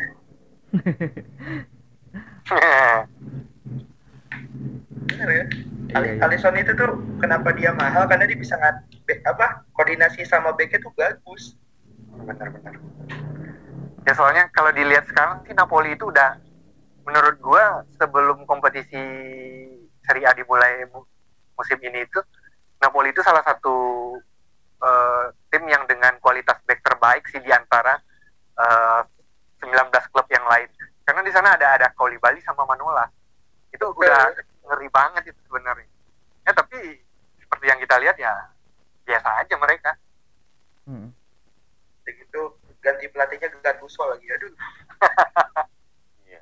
Gattuso berantem doang bisanya bener deh Gattuso tuh kalau di pelatih tuh kayak Roy Keane Roy Keane waktu jadi pelatih kan gagal Iya iya iya. menang berantem doang dia Tapi kayaknya Gattuso Paling kebal ya. Kenapa? Gattuso maksudnya nggak buru-buru dipecat juga. di Napoli. Ya, yang akan baru beberapa pertandingan. Iya kak.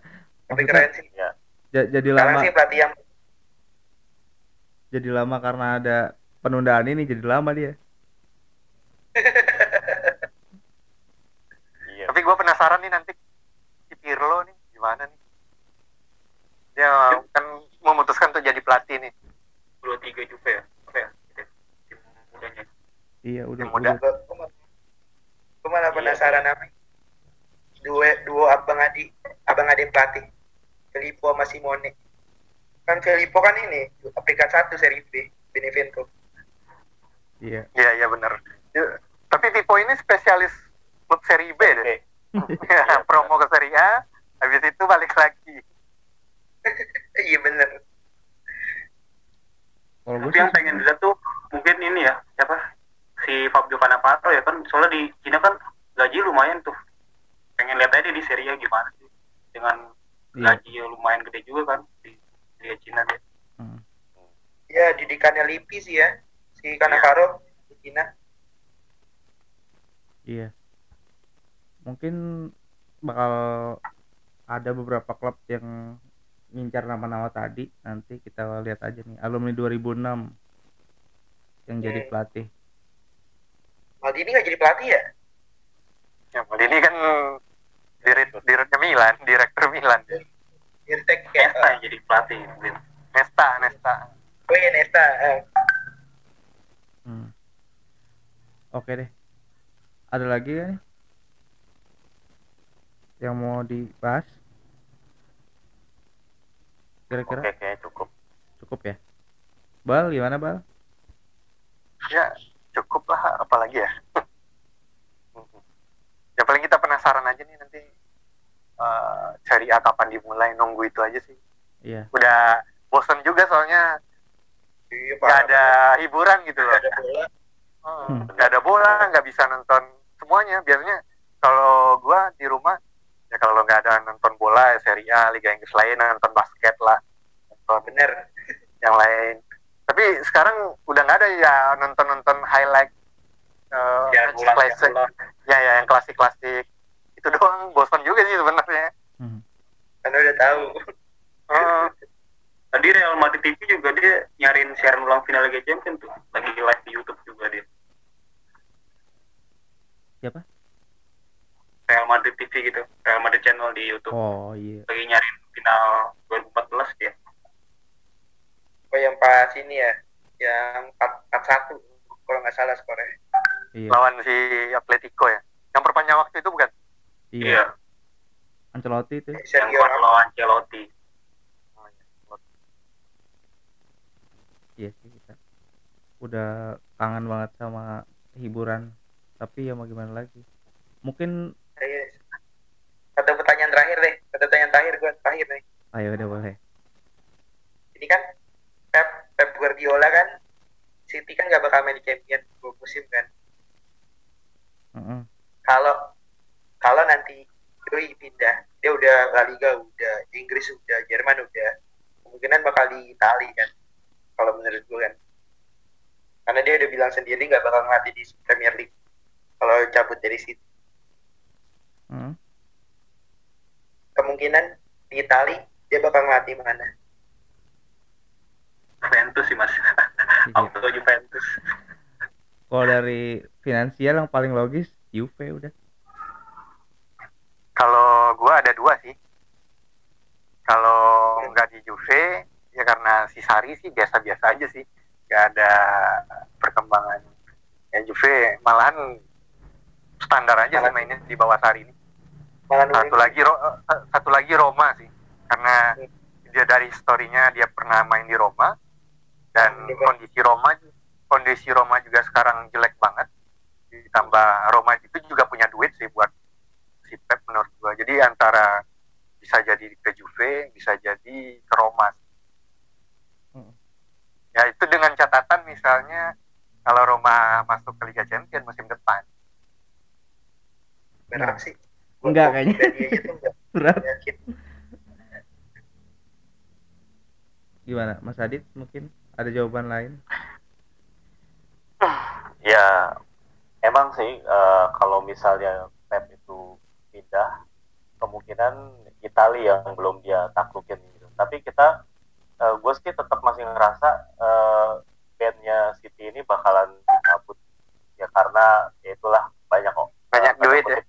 banyak duit banyak orang-orang kuat dan mereka nggak hire berapa 30 pengacara top dunia hmm.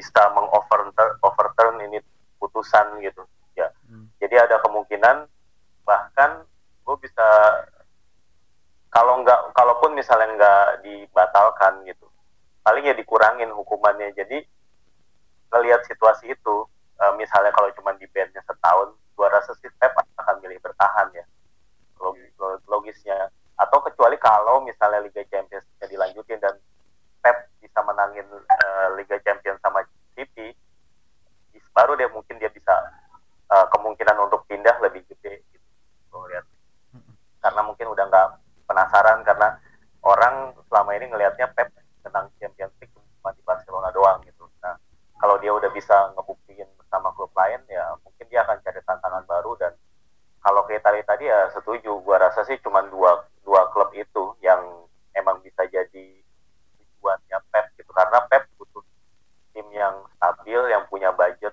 uh, kuat terus juga uh, ya ibaratnya uh, strukturnya juga dia udah udah tahu udah tahu banyak dan yang di di sini sih cuma uh, Juve sama Roma doang cuma mungkin beratnya kalau di Juve Juve itu kan sangat-sangat nuntut uh, hasil banget ya sementara Pep itu untuk bisa mewujudkan permainan yang dia mau itu butuh butuh waktu nah ini ya itu paling tantangannya di situ nah, lebih cocok kalau secara filosofi sih bukan malah bukan Juve banget kalau gue bilang lebih ya apa ya kalau lebih kalau filosofi main sih ya lebih lebih ke Roma mungkin bahkan mungkin kalau Milan Milan mampu lebih ke Milan gitu benar cuma ya saya Milan nggak mampu gitu aja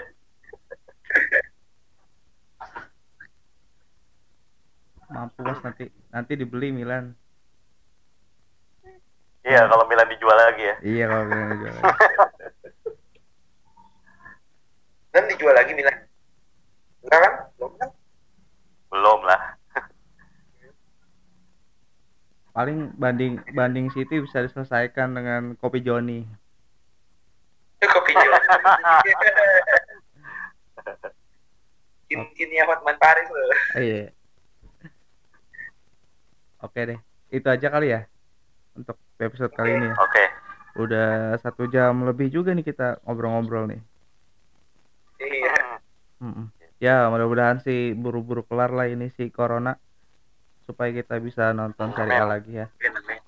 Dan ya. gimana bang di Malaysia aman bang uh, alhamdulillah di sini aman. Bedanya sama kita itu paling kalau di sini masyarakatnya sedikit lebih tertib ya dibilangin masih mau gitu diomongin masih oke okay, gitu jadi di sini itu kan lockdownnya itu per tanggal 16 Maret ya salah sampai 31 Maret. Cuma karena situasi belum memungkinkan diperpanjang sampai 14 Maret eh 14 April gitu. Ya, jadi semua per hari ini semua pesawat nggak ada yang terbang. Hmm. Per hari ini kalau nggak salah Air Asia itu yang paling banyak di sini udah nggak boleh terbang. Terus eh, pengawalan di jalan-jalan itu makin diperketat. Jadi setiap ada mobil lewat itu ditanya polisi. Kalau memang nggak ada kepentingan kalau emang nggak mau dibilangin itu bisa dipenjara cuma di sini hmm. yang paling gua senang itu di sini itu beritanya nggak kayak kita kalau kita itu kan selalu menggiring berita loh ya kesannya yeah, iya. negatif apa apa kalau di sini gua nggak dengar uh, isu ini isu itu masalah pangan atau apa nggak ada. Jadi beritanya itu jadi positif untuk sembuh ya positif aja. Jadi padahal di sini korbannya udah 2000 lebih loh. Yeah. banyak banget. Tapi yang meninggal baru 50-an yang hmm. sehat itu udah 300 lebih. Yang udah boleh pulang sehat. Jadi ya ibaratnya gua misalnya ini kondisi saat ini sebagai ya perantau lah di sini ya mas merasa aman gitu karena situasi ini walaupun korban enam makin hari makin nambah ada aja tapi nggak ada rasa cemas gitu loh dan media-media di sini nggak ya nggak kayak kita lah itu aja sih Nah, yang penting di sini masih ada oke lah buat apa dibilang sama pemerintah. Oke, karena mungkin itu itu juga sih. Karena di sini kan kerajaan bukan kayak kita republik gitu. Hmm. Iya. Bukan presiden. Jadi masyarakatnya oke semua, nyatu semua. Iya, iya. Ya paling cepat kelar lah karena eh, di Indonesia ya semakin hari semakin parah kan Iya. kondisinya. Ya semoga lekas pulih lah bisa Amin, ya. beraktivitas lagi. Kasian kan karena emang di Indonesia itu emang nggak bisa lockdown kayaknya. Kalau di Iya, lockdown betul. gila itu bahaya situasi. Orang-orang ya? Iya nggak siap. Sama pemerin- pemerintah kita agak agak juga sih sebenarnya. Awalnya ngeremehin, tiba-tiba, uh, corona datang, korban nambah, nggak tahu mau diomongin apa, udah pusing lah. Lihat kayak Pak Terawan Menteri Kesehatan ngomong di depan udah nggak jelas, nggak, udah kacau sih sebenarnya pemerintah. Kasian juga sih sebenarnya, tapi mau nggak Iya. mau. Iya, iya. Ya. Buat teman-teman yang lain nih, Mas Dipa, Mas Adit, Mas Ferdi di wilayahnya aman? Gue di Aman sih, Mas. Solo Raya, aman sih. Di mana? Iya. Di Solo Raya. Oh. Cuman di Solonya kan ada, ada zona merah kan. mm-mm. Cuman di daerah gue kan gue di Sukoharjo itu masih ya masih bisa lalu lalang sih walaupun nggak mobilitas. Anak-anak sekolah di sini juga diperpanjang liburnya sampai tanggal 13 April. UN ditiadakan, ujian sekolah nggak ditiadakan, ditiadakan juga. Dan gue yakin sih bakal diperpanjang juga, pasti sampai Lebaran Hmm. liburnya anak sekolah. Berarti anak sekolah tahun ini lulusnya giveaway ya? Iya. Selamat, Anda lulus jalur corona ya. Nggak, nggak lewat ujian. Mas Ferdi gimana Ah. daerahnya? aman sih di Tangerang di daerah saya mas aman sih aman-aman aja Udah, kemarin juga mungkin sholat Jumat udah di nggak ada ya di masjid-masjid gitu kemarin Oh, udah mulai nggak nggak ada. ada iya soalnya kan minggu sebelum minggu sebelumnya eh Jumat sebelumnya ada kan masih ada Oh, iya. Mas Adit di Beijing kemarin masih ada Jumatan, Mas? Enggak, udah nggak ada. Udah ditiadakan juga. Tapi kalau ibu-ibu belanja sayur berkerumun masih ada. Sama-sama. Susah dibilangin. Hmm. Susah itu. Nah, Iya. Udah karifan lokal. Iya, benar. Depok Tempat termasuk Isan sendiri gimana, San?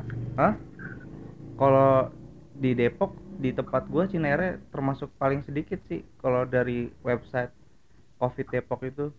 Cuman ya itu kayak kayak kata Mas tadi tadi kayaknya orang Depok termasuk susah ya buat diatur juga. Udah di Indonesia Iya, susah, di. Depok lebih susah. ya kan?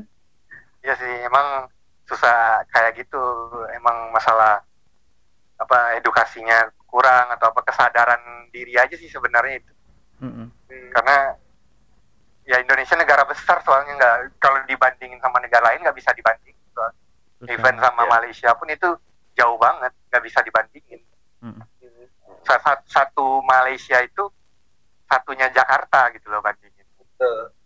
Uh, Iya, jadi betul. nggak bisa kita bandingkan. Cuma ya itu tadi sih emang ya kesadaran masing-masing aja Hmm. buat menahan diri lah. Buat so, kalau bisa di rumah ya di rumah nggak nggak usah keluar gitu. Iya, betul. Setuju. Nih gue nih, di kosan udah tiga empat hari nih gak keluar keluar. Keluar cuman ini doang. Makan makan pulang lagi. Oh itu di sa- di Indo masih boleh makan, maksudnya masih boleh makan di tempat ya? Iya, karena kan warung ya namanya warung di desa kan. Iya iya. Ya, tergantung tempat juga sebenarnya. Kalau di Jakarta mungkin udah nggak boleh ya makan di tempat. boleh ya kan. Soalnya, soalnya kalau di aku di sini di semua Malaysia lah itu nggak boleh makan di tempat.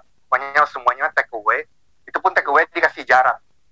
Terus Oh, iya, kalau iya. yang keluar bol keluar Malaysia eh, keluar maksudnya keluar misalnya mau ke supermarket ke mana itu di mobil itu cuma boleh satu orang gitu Hmm. satu orang aja yang buat beli nggak boleh dua boleh bertiga satu orang pergi ke pasar udah kayak gitu nanti ke soalnya kalau kan politisi udah pada ngeblok jalan tuh nanti ditanyain. Hmm. atau misalnya kalau yang buat pergi kerja itu ada surat.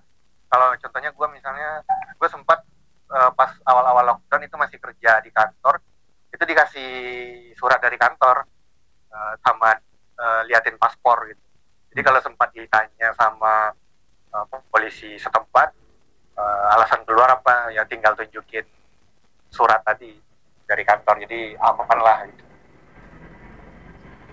Transportasi publik masih jalan di sana, Bal. kalau transportasi publik masih normal mas. Cuma emang nggak ada orang lagi gitu. Terakhir gue sempat naik eh, LRT sama eh, KTM atau kalau di Jakarta komuter lain eh, itu satu biasanya emang nggak terlalu rame. Sa- kemarin itu satu ger eh, sepanjang gerbong itu cuma ada dua orang. Hmm, ya ibaratnya udah nggak ada lagi lah. Hampir Iya. nggak ada. Sekarang malahan yang banyak keluar itu mobil-mobil pribadi. Itu pun setiap mobil cuma ada isi satu orang gitu. Hmm. kalau naik bus biasanya itu eh, pas ada polisi itu diberhentiin masing-masing yang ada di bus itu ditanyain eh, mau ke mana ada ya kalau nggak ada kepentingan disuruh turun disuruh pulang Hmm, gitu. ya Ya, ya. ya karena virus ini kan yang masalah utamanya itu penyebarannya aja sih sebenarnya Hmm. Memang dia nggak terlalu berbahaya, cuma penyebarannya ini yang bahaya. Betul. Karena kalau nggak di rantainya nggak diputus, ya akan terus bertambah itu aja. Ya, sementara vaksinnya masih lama. Nah itu, ya. Asal, iya. Indonesia mungkin juga terbatas juga ya lama-lama kasihan juga karena saking banyaknya jadi nggak kepegang juga kan benar. Ya ditambah kita kekurangan alat, kekurangan APD segala macam. Ya, ya kayak belum siap aja sih. Mm-mm. Iya. sifat sifat asli orang Indonesia keluar kayak kayak gini benar. Mhm. Yaudahlah, mudah-mudahan aman-aman aja ya. Soalnya Iya. salah amin. satu salah satu faktor di Italia kenapa gede itu karena tenaga medisnya kurang siap kan. Benar. Perbandingan Sama masyarakatnya juga kayak Indonesia ini, Iya, membangkang juga. doyan-doyan Iya. kumpul. Sih. Mm. Mbak, salah Yang satu paling itu kan apa? Salah satu pertandingan yang dibilang jadi tem- apa? tempat penyebaran terbesar kan waktu Atalanta Valencia katanya. Ada yang bilang. Iya. 40 ribu orang. Iya. Gila. Nah, makanya Iya. susah juga. Ya udah paling bener lah lockdown kayak gitu. Kalau kalau di sana mungkin ya masih terkontrol ya, bener kata Iqbal. Kalau di sini kontrolnya itu susah kalau lockdown. Makanya Benar. Ya. Kasihan. uh-uh. Di perbandingan sini banyak kor di sini banyak korban itu gara-gara kemarin itu sempat ada tablik akbar di nama kotanya kota Petaling Jaya itu ada Oh. dihadiri 16.000 orang. Hmm. Hmm. Nah, lebih dari separuh, lebih dari 2.000 itu eh, korbannya dari sana. Oh. Oh, Nah, gitu. a- dan dari sini itu ada orang Indonesia juga yang kalau nggak salah yang di Bandung itu itu balik dari sini Hmm. ikut acara tablik akbar di sini. Ya, itu ya. gara-gara itu penyebarannya sangat ini. Nah masalahnya di sini dari beberapa korban di sini itu nggak ada yang ngelapor gitu loh. Dia pernah ikut itu, padahal dihimbau bagi yang pernah ikut tablik akbar untuk Lapor. eh, ibaratnya menyerahkan diri untuk diperiksa gitu. Nah tapi masih banyak juga yang nggak mau. gitu. Hmm. Makanya bertambah gitulah. Nah, takutnya Indonesia kayak gitu kan, apalagi Jakarta itu di kereta dempet-dempetan, wah, yang kebayang. Iya. Mm-mm. Yang Apa udah dia yang udah ODP aja ada yang kabur kan. Itu itu kabarnya itu lupa matiin sanyo wah aku lupa matiin sanyo Ya udahlah, semoga pada aman ya semuanya ya. Amin. Ya. Stay safe, everyone. Oke deh. ya stay safe Cukup sampai sini kali aja ya episode kali ini ya. Terima kasih Ah, banyak nih buat Iqbal, Mas Adit, Mas Dipa dan Mas Ya, sama-sama. Sama-sama. Nanti mungkin dalam kondisi kayak gini bakalan pakai Zoom lagi ya. ya buat boleh boleh. buat yang lain yang mau join silakan. Nanti kita umumin di Twitter ya. Oke thank you semuanya. Ciao. Oke, sampai Oke, jumpa. bye bye ciao. Bye.